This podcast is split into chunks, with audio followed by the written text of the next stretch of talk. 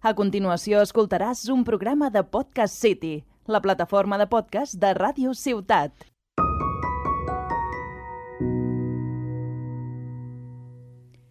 A la voluntat de l'home hi ha un poder d'anhelar allò que transforma la boira interna en un sol. Khalil Gibran.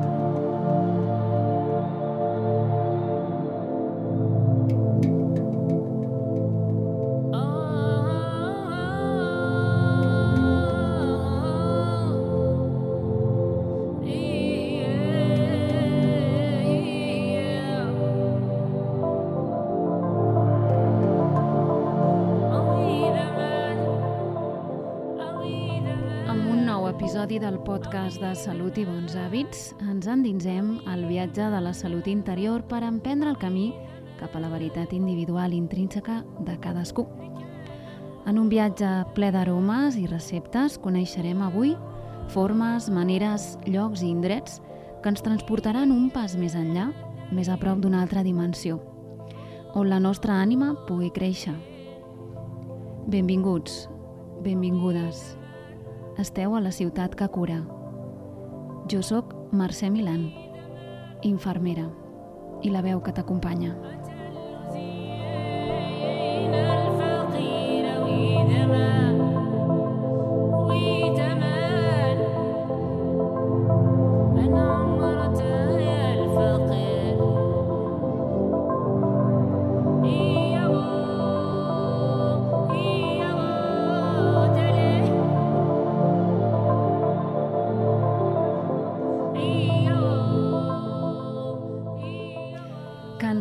Sentir de quants tòxics estem envoltats i de la importància de fer una dieta sense farines refinades, sense lactosa ni sucres afegits, al final, després d'una pandèmia, observo que els nostres sentits estan congelats i els nostres cossos estabornits.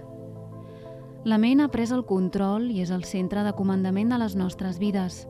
Els pensaments obsessius brosten de tant en tant o la tristesa i la frustració apareixen en un racó. En qualsevol cas, l'espontaneïtat de les persones ha quedat sobtada estranyament. Ho veus quan vas a donar la mà amb algú per tancar un acord i sents que dubta, o quan algú sense mascareta s'acosta molt a tu. Primers dies d'estiu del mes de maig amb temperatures altes i un cos que demana sol, aigua i sal. Colors vius, roba lleugera...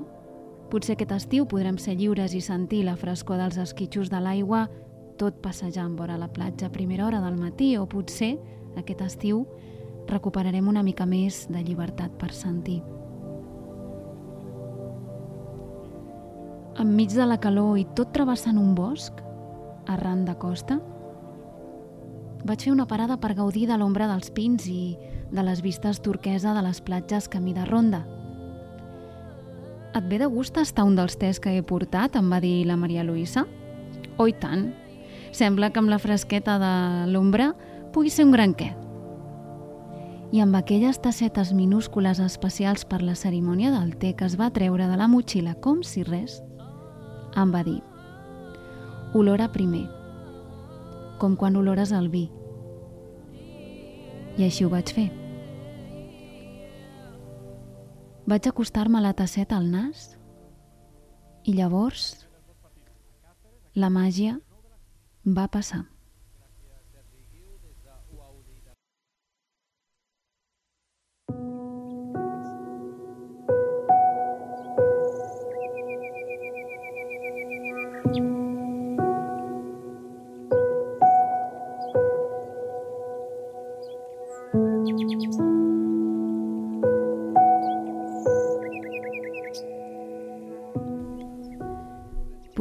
Sentir els ocells del bosc comunicar-se, la frescor de la brisa a la meva pell i l'olor dels pins amb la seva resina.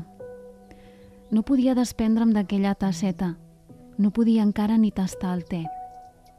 Només podia sentir i olorar aquell perfum que s'expandia en el meu cervell com un bàlsam restaurador, com un esclat de presència instantània i automàtica, com si m'haguessin punxat alguna cosa per parar el cervell.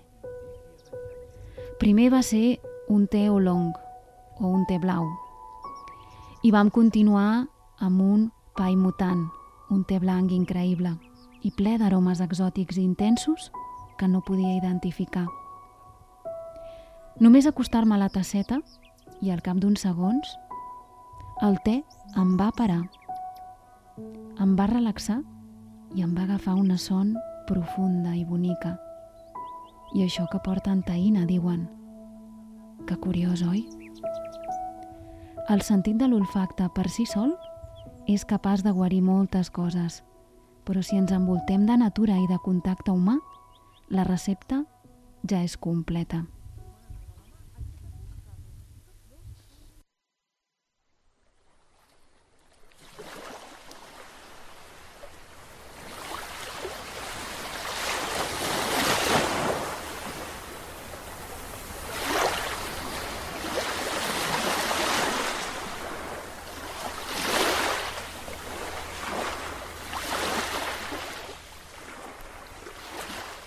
La oïda semblava més clara que mai, com si s'hagués afinat també amb cada glopet de te. Aigua i sal, una gavina... Estàvem lluny de l'aigua, però la seva proximitat em feia sentir com a casa. Recordo un cop fa molts anys que vaig patir una mononucleosi. Tot just acabava la carrera i estava esgotada.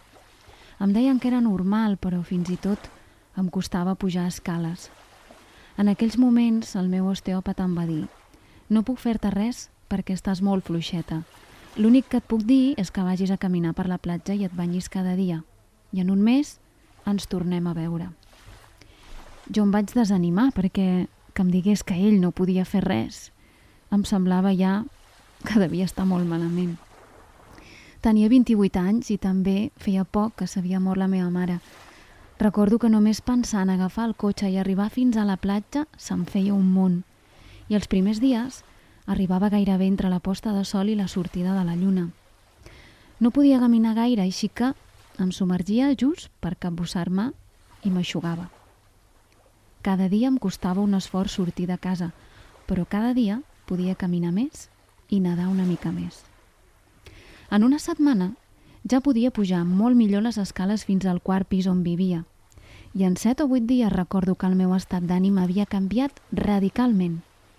Què havia fet? Banyar-me amb aigua de mar i esforçar-me perquè volia recuperar-me.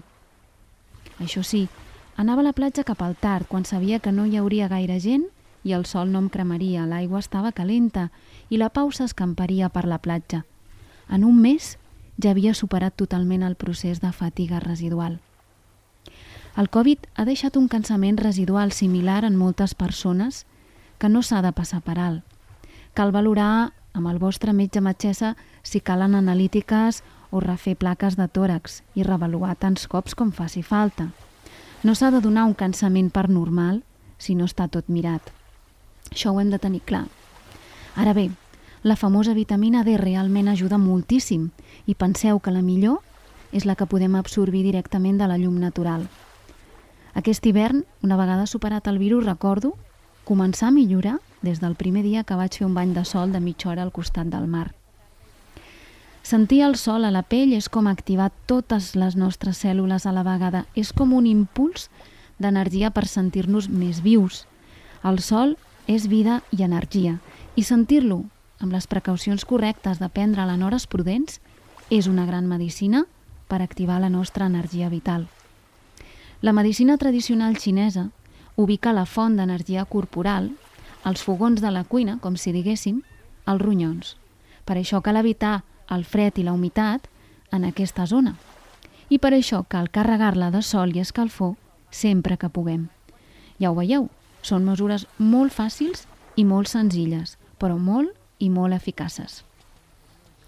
Aquesta temporada m'havia plantejat treballar al cos i aportar-vos microhàbits i alguna cosa em deia que no servia repetir que és bo fer exercici físic, que no anava per aquí la cosa. Que ho és, i ho segueix sent, i que m'encanta, però sento que ara les persones necessitem altres coses per restablir l'homeostasi trencada amb tanta pandèmia. Ara comencen a sortir moltes de les seqüeles i moltes de les mm, situacions que ens han fet mal. Així que mentre respirava uns tests, que van ser medicina, només podia olorar-los i respirar-los, sentint aquella olor que s'injectava al meu cervell, desconnectant tots els interruptors i relaxant-me sense poder fer res.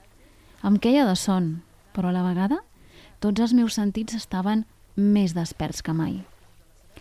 No podia parlar per agrair tot el que sentia. Zero soroll mental. La ment apagada per primer cop en molt de temps. De forma instantània, sense meditar, sense fer cap esforç. Només olorant uns tests meravellosos. Sentia de nou que la vida es començava a moure al meu voltant. Com deia, pensava treballar el cos d'una forma més precisa, amb aquesta temporada, però la sort que he tingut és que les experiències que he viscut i la intuïció no m'han deixat repetir consells que tots a hores d'ara ja devem saber, sinó que m'han portat per un camí més fosc i tortuós per ensenyar-me el secret del repte que tenim ara, restablir l'homeostasi interna. Voleu descobrir el secret per posar-lo en pràctica?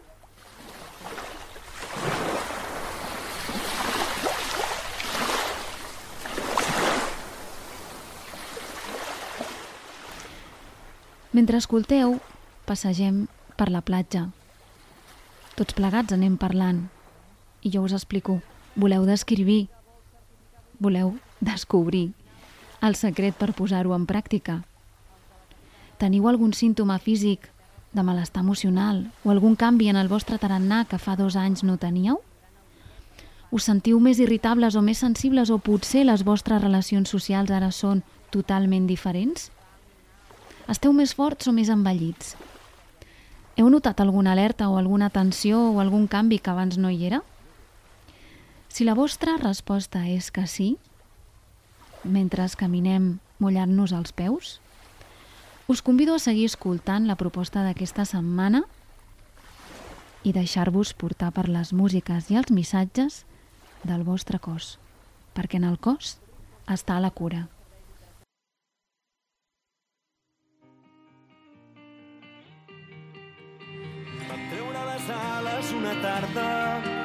Sentir que érem els més grans. Vam prometre que si mai canviàvem seria per fer el món endavant. Hem set viatge, hem set la pols a cada passa, hem vist el sol refugiar-se rere el far. L'hem vist sortir la matinada sota l'aigua, amb la promesa que allò no acabés mai, no acabés mai. Vam treure les ales una tarda... En el podcast que parlem de la càrrega mental explico com la connexió a través dels sentits podia ser una via per disminuir l'estrès de pensaments, per molt simple que pugui semblar. Avui m'agradaria recordar-ho i compartir la importància d'obrir noves vies d'exploració corporal que poden ajudar a desfer nusos i respostes de tensions acumulades. Potser, anestesiats per la por i l'autoprotecció, la cuirassa energètica que tots portem, ens ha bloquejat la percepció sensitiva com si haguéssim hagut de baixar els sensors a la força, per no patir. Hem deixat de sentir, de tocar-nos, de compartir, d'olorar. La mascareta ha estat la gran protagonista. Agraïts, però cansats a la vegada. Toca recuperar l'olfacte, el gust, el tacte i el contacte. Les nits fredes et portin a nous mars record no faci mal, només et robi un somriure que t'apropi el que et fa. Amb la informació de dietes específiques que comprometen cossos prims i fibrats, hem descuidat proveir el nostre sistema dels seus nutrients essencials. Jo no estic igual que vosaltres, ni tenim tots la mateixa edat, ni la mateixa condició física, així que és molt difícil que l'adhesió a maneres de fer genèriques sigui propícia per tothom. La prescripció nutricional de la nostra benzina fonamental ha de ser personalitzada per atendre les necessitats de cada moment. Sabeu que cada grup sanguini té unes característiques digestives i uns aliments afins?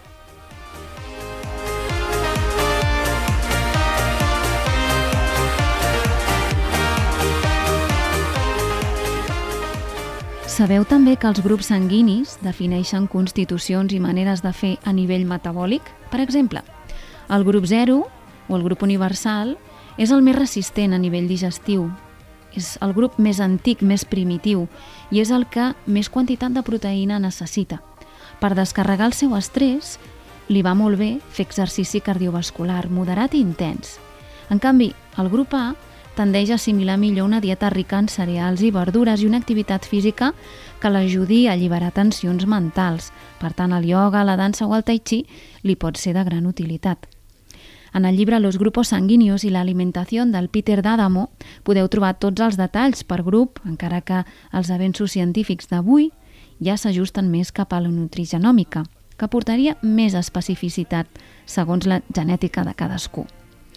Si partim del punt on cada persona té una dotació genètica particular, uns antecedents personals i una història de vida que la defineix i que fa que sigui, en un moment donat, única, les seves necessitats no sempre poden seguir un pla estàndard de nutrició o d'activitat.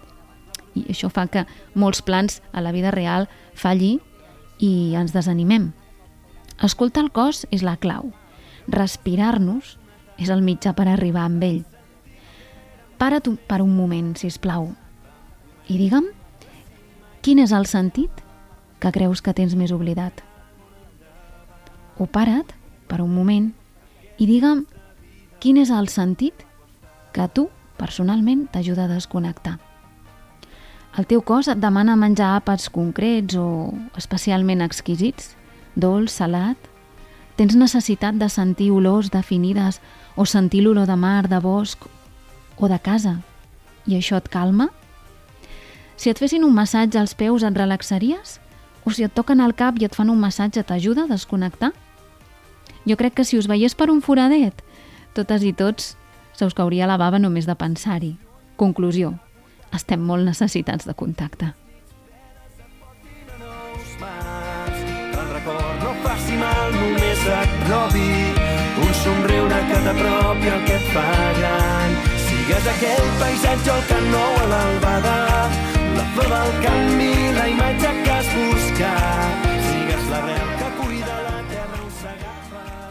A mi, a casa, em diuen la princesa del cigronet. I això que quedi aquí, ara que no en sent ningú. Perquè ser sensible i perceptiu té els seus pros i els seus contres. I, evidentment, últimament no m'ha anat massa bé. Ja sentiu en l'anterior podcast com el meu sistema nerviós va patar, però també puc anar-vos explicant com molt a poc a poc l'he anat recuperant. El conte de la princesa explica que tot i tenir 10 matalassos en el seu llit, era tan delicada que era capaç de notar un pesolet amagat sota de tot, i aquest pesolet no la deixava dormir. Doncs poca broma, jo amb els anys m'he anat tornant més així, cosa que no sé si em fa riure o plorar. En fi, afortunadament, el sentit positiu de ser la princesa del cigronet és que he anat provant coses noves. I així amb el temps he descobert que les cireres m'agraden si les puc collir de l'arbre, perquè abans no les tastava mai. Que el tiramisú m'agrada si és casolà, fet amb la recepta original italiana, però els prefabricats em semblen una ofensa. La roba m'agrada còmoda, de teixits que no siguin sintètics, i la coca del barcoc m'agrada feta a casa. La sobrassada de Mallorca, si us plau, i el té amb menta del Marroc. La música catalana i autèntica amb lletres que parlin d'emocions reals i no siguin inventades. Les converses sinceres, encara que no siguin boniques. I esmorzar al Sama Sama Begui de Salou o a la fleca del Salvador de la Llosa de Cambrils. M'agrada la coca d'avellana i poma trinxada de Cal Arauet de Vilavella i els croissants amb cacaulat del Glitaliani. M'encanta la pau del matí i les primeres hores del dia, quan la platja encara no l'ha trepitjat ningú i la sorra està freda. M'agradaria que la ràdio estigués oberta als oients que l'escolten i així us preguntaria quins són els vostres plaers quotidians favorits que us obren els sentits de la vida en el dia a dia, així com fan al matí la mare que el va parir, que truquen fent preguntes i la gent les comparteix. Perquè veure com els altres viuen també ens ajuda a entendre que potser no som tan rarets i que tots som més aviat ben especialets. Sentir pau és un viatge cap endins, no cap endavant. Però per fer aquest viatge de recuperació, restauració i regeneració, necessitem els nostres sentits i el silenci mental a la vegada.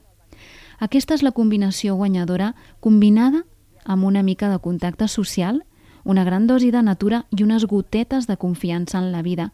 Com a excipients, afegiria bona música a estonetes, d'aquella que fa vibrar per dins, i una mica de lectura per ralentir la freqüència cardíaca i així nodrir l'ànima. Les abraçades, se t'ha endut lluny com el vent, invisible com les trampes, m'ha ferit a mi també. Sense poder acomiadar-me, se t'emporta lentament et dono un cel clar d'esperança, el lloc més gran per retrobar-te, que tinc més besos que paraules. Et dono les mans, et dono el meu cor, la meva calor quan no digui aquest món, t'enyoro i t'abraço, M'encanta el sex freixes amb aquesta cançó. De llibres, per obrir els sentits, us posaria unes pàgines de Aroma Árabe, recetes i relatos de Shalal Jamal, acompanyat dels poemes de Arena i Espuma de Khalil Gibran, i un bon té amb gel per obrir-vos i tancar-vos l'esperit. També us puc oferir Foodtropia, de la Paola Freire, amb unes receptes delicioses i fotografies precioses. En aquest cas, us recomanaria que us ajudéssiu amb un pastís de xocolata sense gluten i lactosa i una infusió de fruits vermells amb gel o sense, al gust. I així anéssiu anotant aquells ingredients de les receptes que us sedueixin. Que us sedueixin només llegir-les, encara que no les feu. Escriviu-les. Tingueu el quadern de salut a mà i anoteu les idees que us van sorgint mentre escolteu el podcast. Greens, amb més de 100 receptes veganes, també és un llibre de profit amb moltes idees saboroses de cuina saludable que de ben segur us trauran de l'estaborniment culinari i en aquest cas us suggeriria un bon smoothie refrescant d'estiu, probablement en base de mango, tot i que ben aviat farem un podcast parlant de les propietats dels smoothies. Esteu ben atents que serà molt aviat. Amb el llibre Conexiones perdides del Shohan Harib, és un best-seller internacional, podreu aprofundir entre les causes més peculiars i més mm, habituals que provoquen la desconnexió. Entre d'altres, el Harry anomena la desconnexió per culpa de la feina sense sentit, o la desconnexió amb els altres sense saber per què, o també la desconnexió dels valors significatius d'un mateix, la desconnexió de l'estatus i el respecte, entre d'altres. És un llibre molt interessant en el que s'aprofundeix en el que ens desconnecta i en com a poc a poc, poder recuperar aquesta connexió.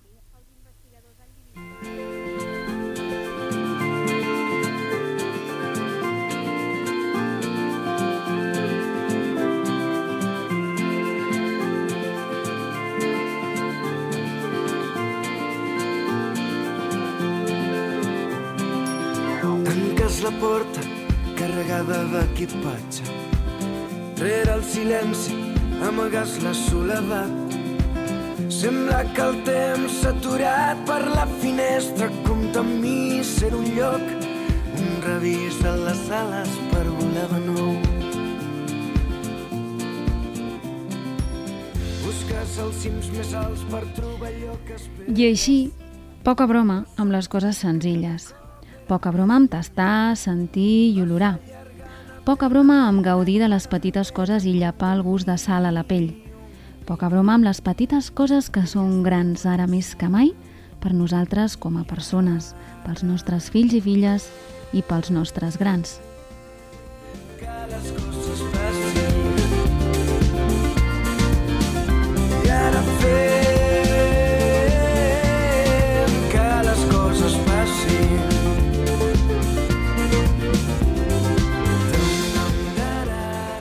Obrim l'olfacte i el gust a la vida per guarir les ferides que quedin i deixem que l'oxigen ompli de bosc els nostres pulmons i que la sal del mar mineralitzi les nostres cèl·lules. Agafeu cadireta de platja i truita de patata i espereu a la vora del mar que es pongui el sol. Mireu les estrelles al ras d'un turó de muntanya i sentiu com la vida us recarrega de nou les piles. Respostes a preguntes tan incertes com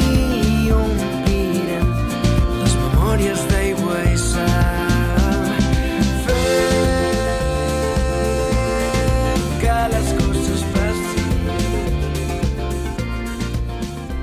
Com diu la cançó del Sam Ramos, fem que les coses passin. Nodreix-te amb els aliments que al teu cos li fan bé i que et regulen. I si encara et sents cansat o cansada, consulta el teu metge de capçalera i fes-te pesat o pesada. Si tot està bé després d'haver-ho mirat, torna a escoltar la ciutat que cura i fem que les coses passin. L'enzima Q10 i la vitamina C són uns bons antioxidants per netejar l'estrès acumulat i fer una aportació extra d'energia si ho necessites. L'ashwagandha, com a bona planta ayurvèdica, et pot ajudar com a adaptogen a recuperar l'equilibri i l'energia i les vitamines del grup B restabliran el nostre sistema nerviós si ens sentim que hi ha un cansament mental. Si, en canvi, el vostre ànim no pot amb tot i necessiteu una mica d'impuls, podeu gaudir de les propietats del triptòfan o de l'extracte de xafrà.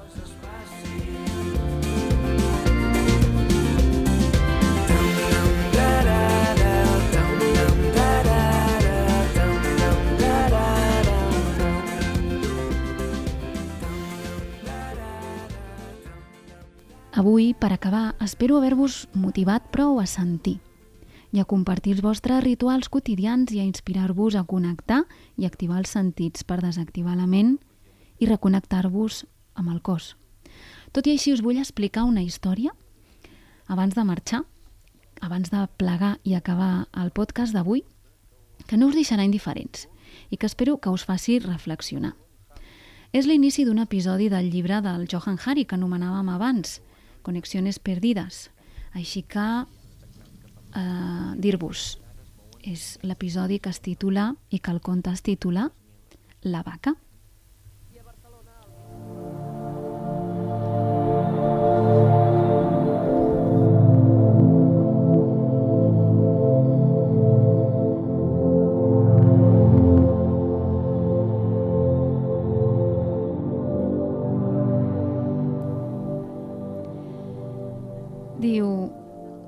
principis del segle XXI, un psiquiatre sud-africà, el doctor Derek Summerfield, va aterrar a Cambodja, concretament en una extensió de terreny que concentrava tots els clitxers sobre el sud-est asiàtic. Una passible mm, zona de camps d'arrossals que s'ondulava fins l'horitzó. La majoria d'aquelles persones cultivaven arròs com a mètode de subsistència, un model que ja es remuntava segles enrere, però que s'afrontava i s'enfrontaven ara amb un problema molt greu. De quan en quan, un d'ells xafava una muntanyeta coberta de terra i es produïa una explosió. Una explosió que retronava per tots els arrossars. Antigues mines terrestres que s'havien plantat durant la guerra amb els Estats Units en les dècades dels 60 i els 70 continuaven encara escampades per tot arreu. El Derek, que arribava allí per estudiar com afectava aquell perill a la salut mental dels cambotjans, es va quedar molt impactat i jo també quan escrivia aquest llibre. Per pur atzar i per primer cop en la història del país, poc abans de la seva arribada, ja s'havia començat a comercialitzar algun tipus d'antidepressiu a Cambodja. Si bé les empreses fabricants mm, afrontaven el problema d'aquesta manera, la llengua pròpia encara no havia definit la paraula antidepressiu. La mateixa idea els desconcertava encara. En Derek va intentar explicar-vos-els, explicar-los-hi. Els hi va contar que la depressió era una sensació de profunda tristesa de la que no te'n podies lliurar. Després de pensar-ho detingudament, els cambutjans van dir que sí, que entre ells hi havia persones que responien a aquestes característiques. Li van donar un exemple. Diu, mira, tenim un granger que havia perdut la seva cama esquerra per culpa d'una mina terrestre. Ja havia anat als metges en busca d'ajuda i li havien donat una pròtesi encara que no s'havia recuperat. El futur li provocava una ansietat permanent i una desesperació que el consumia.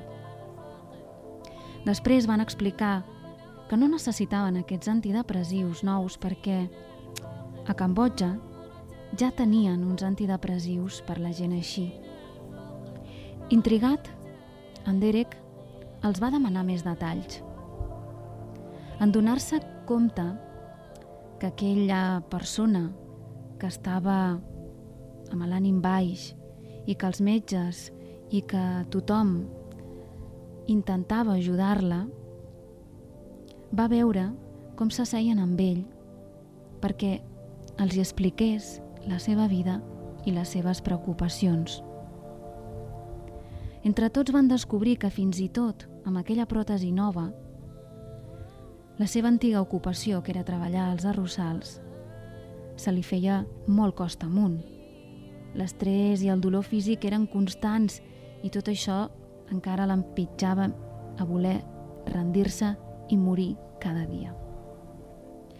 Van tenir una idea.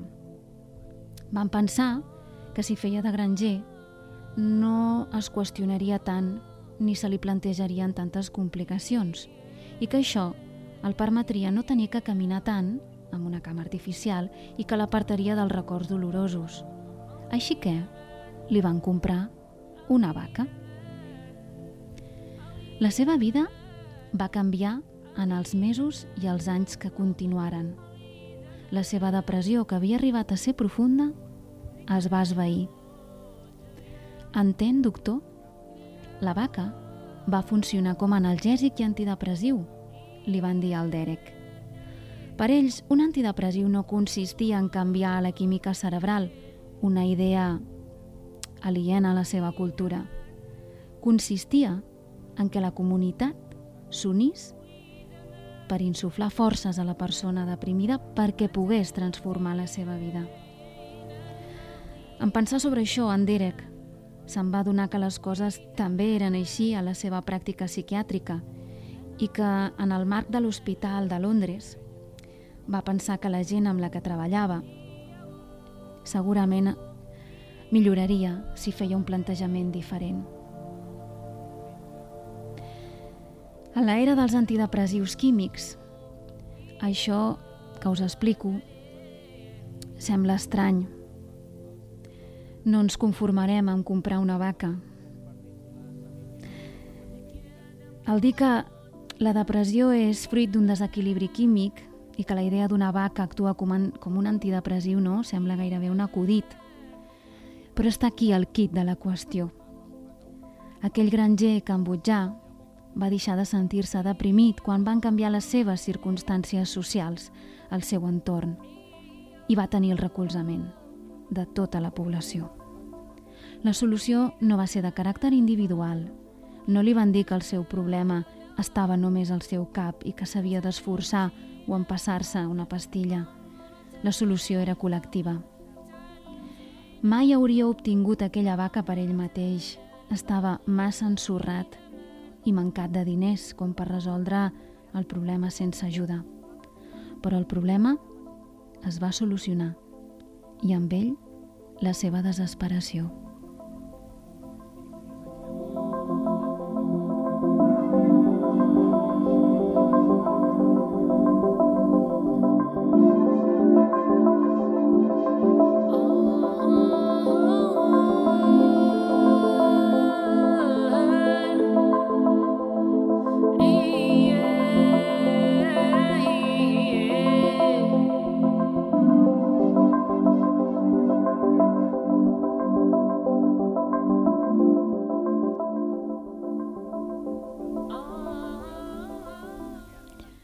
Espero que us hagi fet reflexionar i que arribeu a la conclusió que tot el que ens ha passat també ha fragmentat la societat, les nostres relacions d'una manera exponencial i que això ens exposa a un risc més gran del que teníem d'aïllament. Així que hi ha una part que per estar bé depèn de nosaltres i hi ha una part que depèn de la interrelació entre les persones i no podem deixar d'obviar-la. Aquí acaba avui la ciutat que cura i m'agradaria deixar-vos amb gust d'aigua de mar, tés exòtics, llibres i amigues i amics que fan rituals de te per nodrir l'ànima i convidar-vos a viatjar a través dels sentits per recuperar la vostra salut. Com sempre, profuns, per adonar-nos-en i seguir creixent cap a millor, per un bé. Una forta abraçada i una capbussada primerenca de mes de maig, amb ganes de veure't, amb ganes de veure els meus amics de l'English.